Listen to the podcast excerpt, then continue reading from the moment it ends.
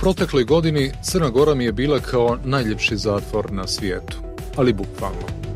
Od marta prošle godine nije se moglo u inostranstvo zbog korone, pa sam mogao samo da nostalgično preturam po fotografijama u svom mobilnom telefonu i prisjećam se putovanja od Južne Afrike do Amerike i Evropskog komšiluka. A na toj listi vrlo često bi se našle i susjedne Srbija, Bosna i Hercegovina i Albanija.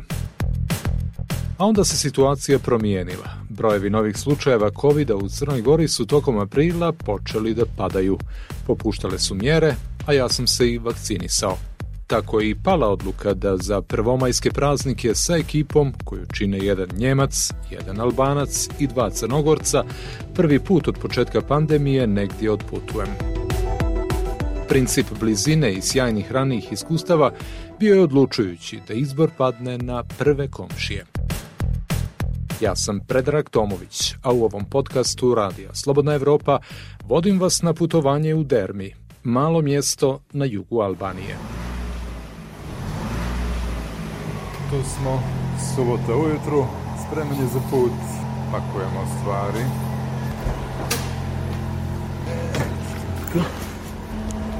Sa jedna torbica druga.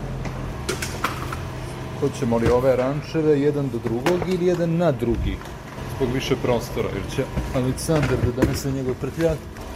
A moje torbe su uvijek najteže.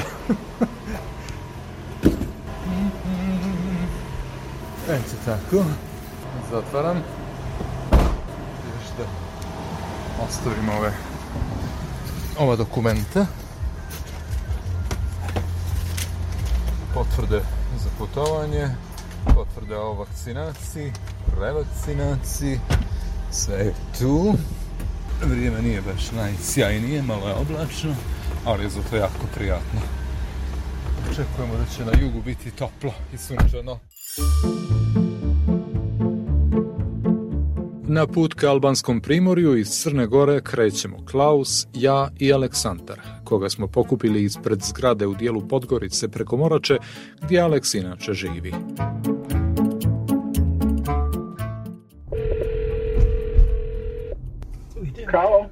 Smo. E, silazim.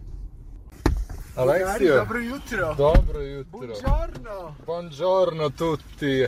Did you bring your potvrda? Šta da li sam? Da li si, da li, da li si ponio potvrdu? Da, da. Ok. Onda možemo. To. Ok, momci smo spremni. Hm? Redi, redi. Bon voyage. Voyage, voyage.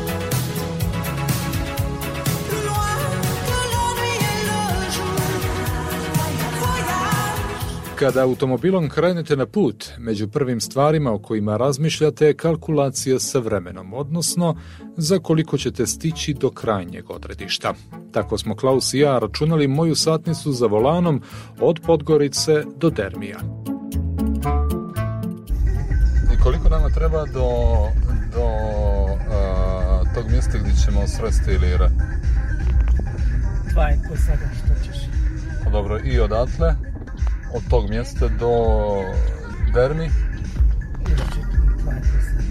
ukupno 4-5 sati. Ja. Pa dobro.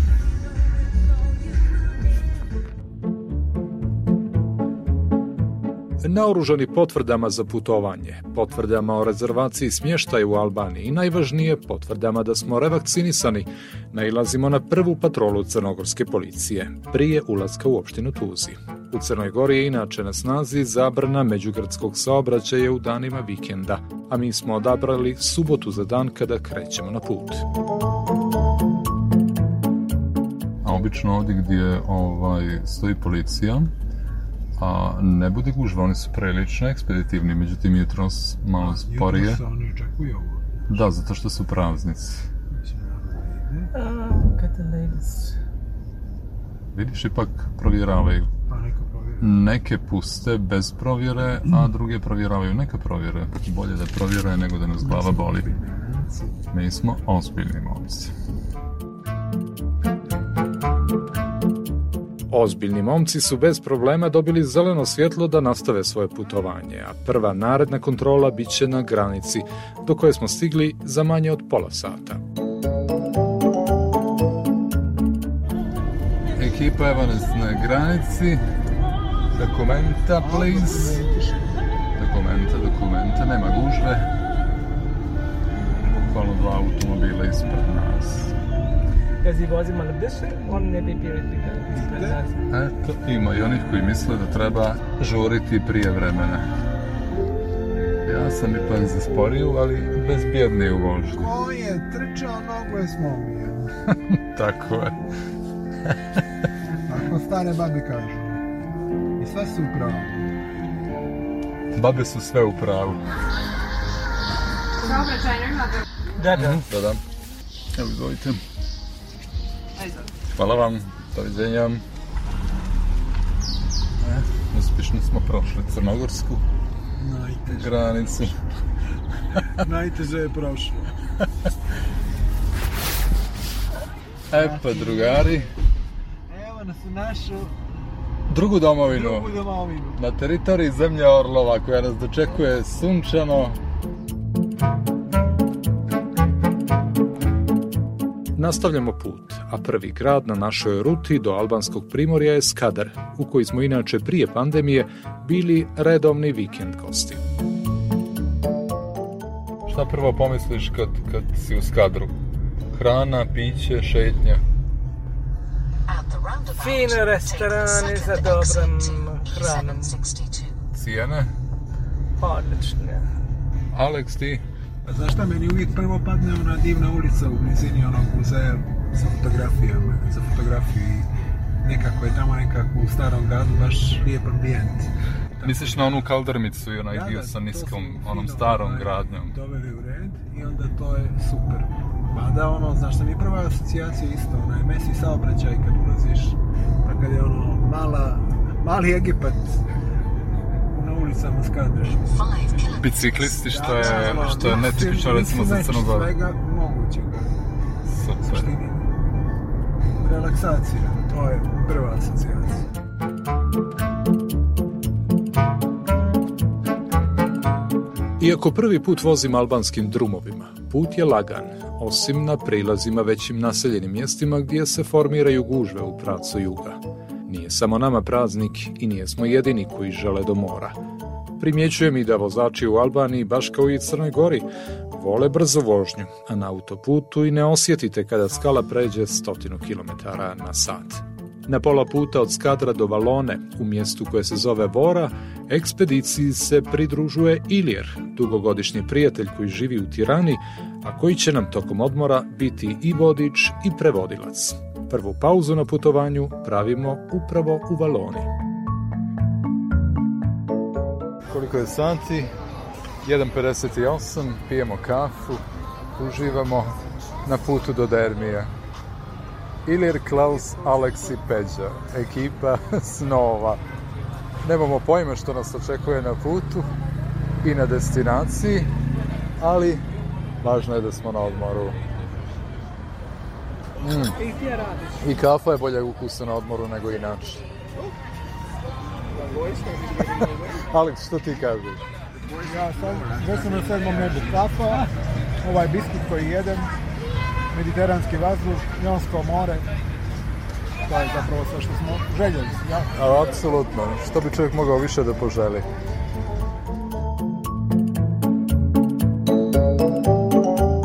Pod dejstvom kofeina iz Valone put nastavljamo usponom do nacionalnog parka Ljogara, najvećeg u Albaniji. Kada se nađete na vrhu od nešto preko 2000 metara nadmorske visine, kako nam je kazao Ilir, sa pogledom ka moru, možete uočiti liniju gdje Jadransko more postaje Jonsko, a u podnožju se vidi i naša krajnja destinacija, Termi. Nakon pola sata spuštanja serpentinama od Ljogare, stižemo u hotel. U hotelu i evo, žurka. Say two hours.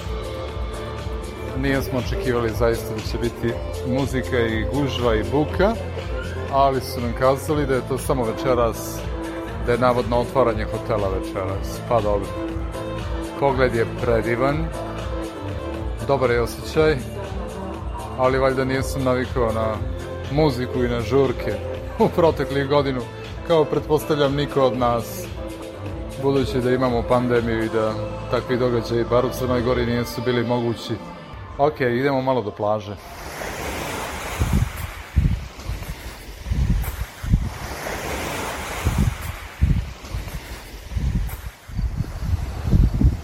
Hmm, ima li što ljepše od zvuka mora?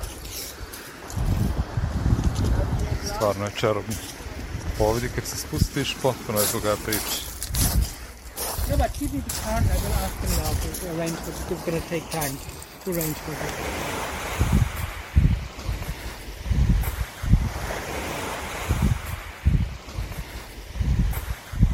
Ne znam, možda zazvuči čudno, ali teško mi se naviknuti na odmor.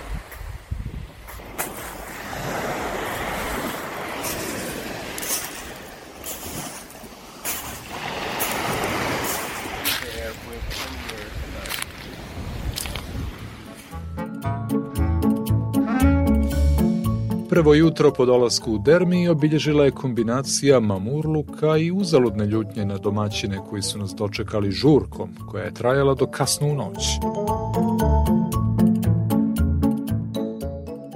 Vidim da hotel ima beach bar koji ne našu sreću još ne radi. Doduše sinoć nijesmo mogli zaspati gotovo do ponoći. Od žurke koja se događala bukvalno ispred našeg apartmana. Veliki minus za domaćina, ali veliki minus i za nas, što prosto nismo pitali da li da očekujemo nešto tako ili da očekujemo ono što smo zapravo očekivali, jedan miran prvi dan na odmoru. Ali dobro, dajemo im drugu šansu svakako. Danas je nedjelja i još se navikavam na odmor. Nakon godinu i dva mjeseca. Nevjerovatno. Kako vrijeme brzo prolazi i kako se čovjek, bar većina nas, navikne na neku novu normalnost. A onda još jedan šok, epidemiološki. U našem hotelu i većini kafića i restorana nismo vidjeli mnogo ljudi koji nose zaštitne maske. Kao da virus ne postoji. To je prvi utisak. Da, da, kad se, kad se osvrneš oko sebe, niko ne nosi maske, čak ni konobarice. Niko. Od gostiju niko ne nosi maske. Ok, stolovi su... Uh, ni meni se to ne sviđa. Sreće je naše što smo mi vakcinisani. Inače bi bilo prilično rizično, znaš, jer ljudi ti prilaze, govore ti na, na, bukvalno na manje od pola metra distance. Da, to je sreća što smo mi vakcinisani, što smo poprilično zaštićeni.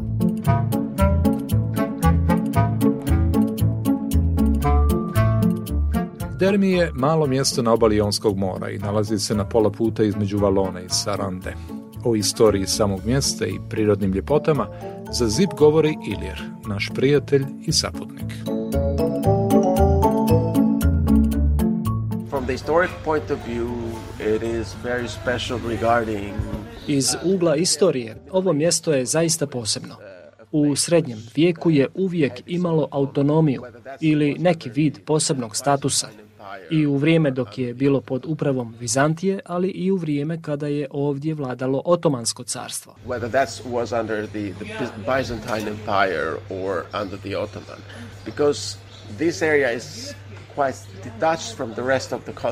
Ova oblast je u to vrijeme bila odvojena od kontinentalnog dijela države. Nije bilo komunikacije, tako da su stanovnici imali neku vrstu slobode. Njihova jedina komunikacija u to vrijeme je bila morskim putem, sa Venecijom i sa stanovnicima obližnjih ostrava koja su danas dio grčke teritorije.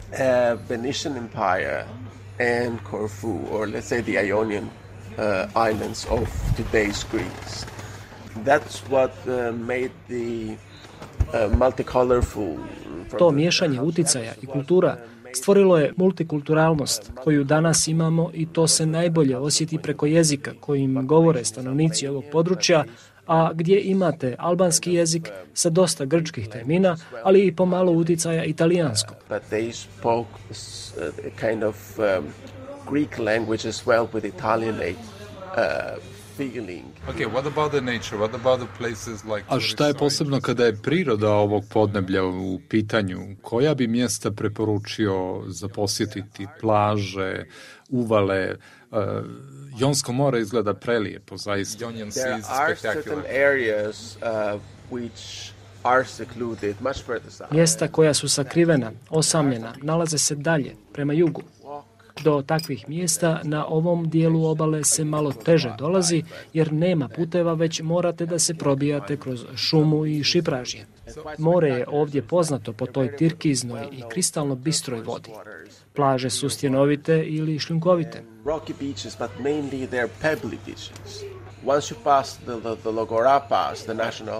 Koliko su plaže zapravo lijepe, najbolje se vidi sa vrha nacionalnog parka Ljogara, odakle se pruža divan pogled na ovaj dio albanske obale. Vide se te velike plaže, ali i male, među kojima je možda i najljepša plaža Džipe, koja ima i veoma zanimljive geološke karakteristike. Kada se spuštate dalje, ka jugu, tamo se nalaze i druge skrivene plaže, a ja, iako sam iz Albanije, još nisam vidio ni polovinu od njih. And then there are, uh, as you head further south, there are some other beaches that are uh, quite secluded. I haven't been to the half of it. Ima nekoliko interesantnih manastira u okolini, poput manastira Svetog Teodora. Evo nas na putu do manastira Svetog Teodora, koji je udaljen 400 metara od mjesta gdje se trenutno nalazimo i znak pokazuje da će nam to tamo biti dovoljno 10 minuta. Neće biti prezahtjevna šetnja. Hej, na putu smo sreli jednu djevojčicu, četvoronožnu. Ćao. Hej, hej, kaži nešto. Kaži nešto slatkice. Idemo s nama, ajde. Doći. Doći. Okay. So the sign says 10 minutes away. So it's gonna be like easy walk. For sure. Uh, well, there's barely any walk. yes.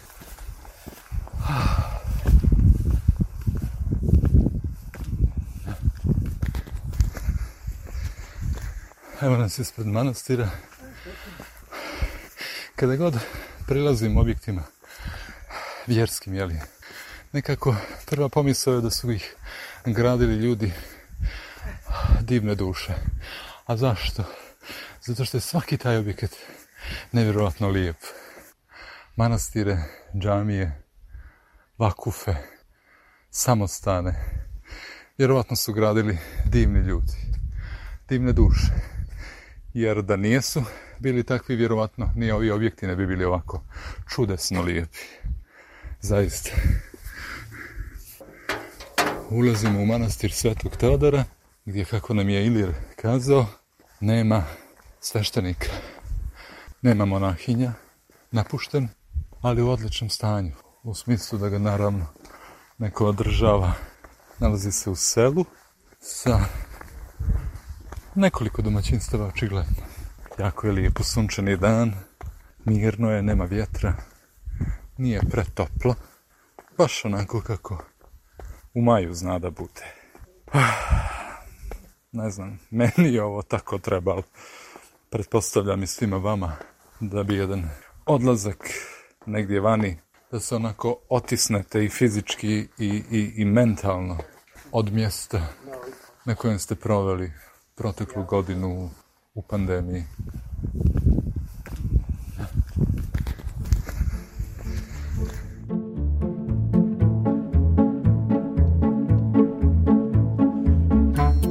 Plaže u Dermiju su okružene planinama i strmim proplancima. Zahvaljujući izgradnji ugostiteljskih objekata, ovaj dio albanskog primorja posljednjih godina postaje omiljeno mjesto za izlaske i uživanje na plažama. Cijelim krajem dominira zaliv Džipe sa plažom i kanjonom koji je dug oko 4 km. E, sada smo se uputili ka plaži Džipe. Aleks, da li sam pravilno Da, da, izgovorio? Džipe. Ti si već bio na, na toj plaži. prije četiri godine. I? Doduše kratko, e, nisam dolazio ovom rutom zemaljskom, nego vodenom brodom, ali ovaj, e, stvarno jedna nestvarna oaza. Vidjet ćeš sam kad se ovaj, Spustimo da. pustimo koliko je lijepo. Inače, ovo Jonsko more sa stanovišta atrakcije, boje, topline, načina na koji crniš. Stvarno jedna druga priča u poređenju s našim Jadranom i e, drugačije je. Čak e, i pomaže da doživiš drugačije te plaže ovaj, kad se primakneš njima. Ono što je zanimljivo, Uh, ja ovo poredim sa ovom obalom preko puta, odnosno sa ovim grčkim ostrvima. E, to, je, to je ta estetika, znaš. Nema tu puno odstupanja i tako da ljudi ako imaju neku nedoumicu kako je u toj Albaniji, ovo je nekako uh, logična ekstenzija grčke obale. Ili obrnuto. Aleks, reci mi generalno, je li ovo kao i nama i tebi prvi dalji, odnosno duži put van Crne Gore? Pa nije, ja sam nešto uspio ovaj, zimus da odem e, na neko putovanje privatno u Njemačku, ali to, to ne računam, zato što su okolnosti bile takve da sloboda kretanja je bila ograničena, a ali ako misliš da li je ovo prvo putovanje, Onako kao odmor. ideš, da, u tu varijantu odmora je mogu ti reći prija, malo da se promijeni ambijent i da ništa da se čovjek privikava na život koji smo imali ponovno. Prije, prije korone. Super.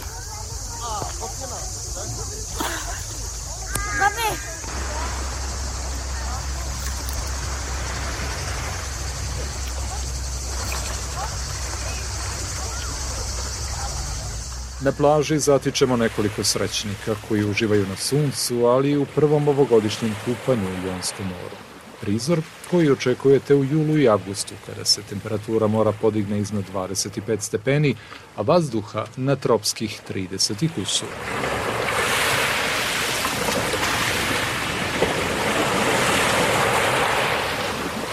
Nije sam baš veliki avanturista, pa sam odlučio da prvo ovogodišnje kupanje u moru ipak pomjerim upravo za jul i avgust.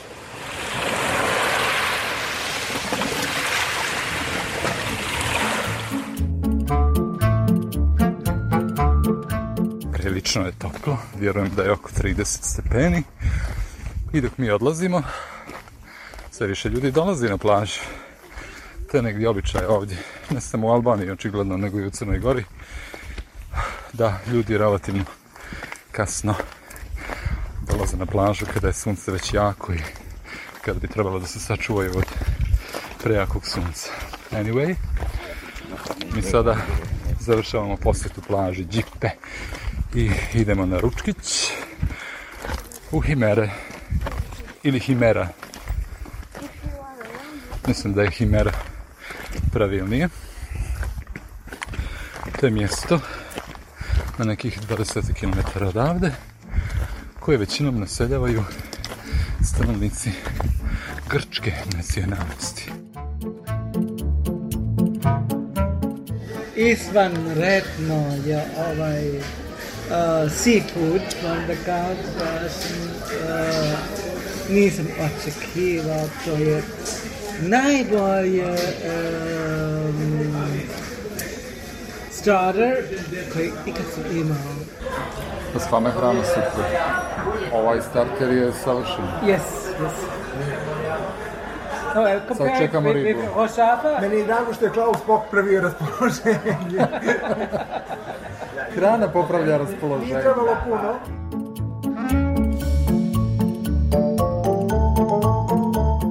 Naredna adresa naše ekskurzije je stari grad Himare. I upravo u sred starog grada Himare, kao da smo ušli u šumu kaktusa, koji su ogromni, ko zna koliko stari, prelijepi su. Tu su divne, nažalost napuštene stare kuće sa predivnom arhitekturom. Evo i bunar.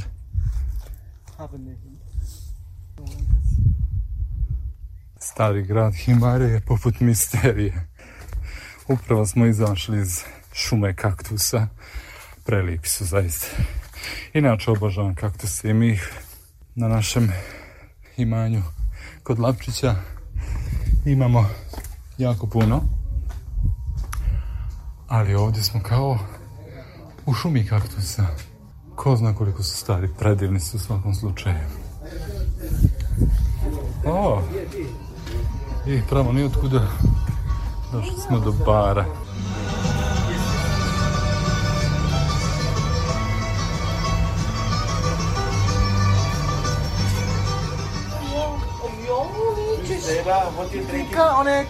A lemonade, please. Yo sé que no hay lim- limón aquí, pues me lo Kada pašeće? Pašeće. Do pašeće, neka da nije. Ej, macani. Ej, mi imamo kod kuće jednu mimi.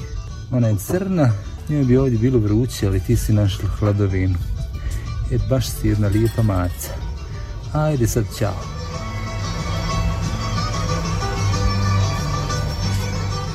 I tako je tri dana odmora proteklo kao tren, doduše ispunjen sadržajem za album uspomena i utisaka.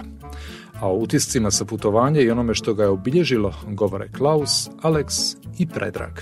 Ivera smo isključili, jer on naravno nije gost u svojoj domovini.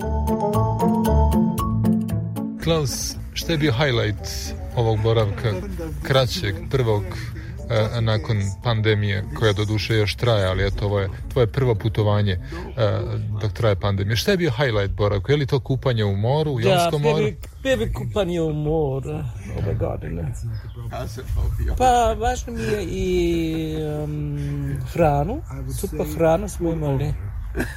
I super hranu, fino vino, da, to ide sa jedno. More, kako je kupati se u Jonskom moru? Koja je razlika? Da li ima razlike u odnosu na Jadran? Ne, op- u opijem je, ima vode. A kad smo kod hrane, šta ti se najviše dopalo? Svuda smo jeli ribe i blodovi more, tako da je to sve tako je fino. Alex, što je bio highlight boravka na, na albanskom primorju u ovih nekoliko dana? Pa najbolje mi se dopao o, obilazak ovaj, starom gradu Himeri. To mi nekako bilo najutentičnije, valjda zbog prepletanja tih e, kultura i svega toga što se vidi na licu mjesta. A bez lažne skromnosti, putovanje se pamti po hrani, tako da lijepo smo jeli. Što se mene tiče, a, stari grad Himare, Alex je potpuno u pravu. Mislim da, da je taj moment tih možda par sati koliko smo proveli na tom mjestu obilježilo ovo putovanje. Zašto? Meni je recimo najjači utisak ostavio domaćin. Čovjek koji nas je ugostio, počastio jeli, ovaj, domaćim maslinama i domaćim sirom, a onda kao kruna a, našeg kraćeg boravka kod njega je bilo to što nam je dozvolio da uberemo njegove limune. Prosto sam uživao u, u tom obilasku tog mjesta. I naravno šuma kaktusa. To je nešto nevjerovatno. U- U sred ničega naiđete na nekoliko stabala kaktusa u, ovaj, u punoj ljepoti. A stiže i kafica. Zotrin një limoni dhe një boronic. Po i lejtë dy ndoshta këtë të preferoj. Koliko sam razumio, u pitanju je Po, po, po, s'ka problem. Po i kjo edhe s'ka problem. koji čaj bi nam se više dopao. Borovnica čaj limon. ili. Shqipat a? Thank you very much.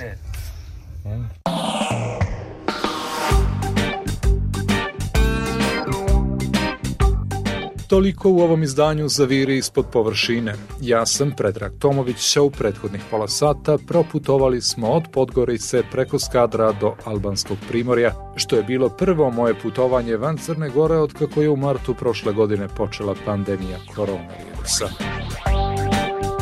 Ostanite i dalje sa nama. Sve prethodne epizode Zipa pronađite na našem sajtu ili na Spotify, iTunes i Google podcastima. Naše druge sadržaje također možete pronaći na slobodnaevropa.org, na društvenim mrežama Facebook, Twitter, Instagram i YouTube. Sa vama smo premijerno svakog ponedjeljka. Do slušanja.